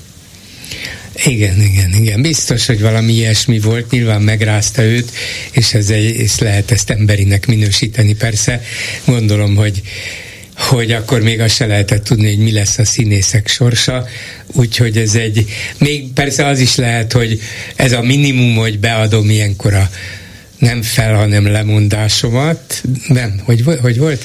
Lemondani csak közalkalma. Igen, igen, igen. ajánlhatja fel, felmondást viszont nem közél. Igen, és akkor ezt el kellett volna fogadnia igen. a miniszternek de, de nem fogadta el, pedig nem lett volna itt a miniszternek tenni valója. Igen, igen, hát a, fel, a felmondás az egy egyszerű közlés. Igen. Aztán másik gondolat, Wilders nem tud egyedül kormányt alakítani, ott van a holland parlament is. Nem fog tudni ugrálni, nem Magyarország. Láthattuk, Ficó sem, Ficó sem tud azt csinálni, amit akar, az EU pénzek pedig kellenek.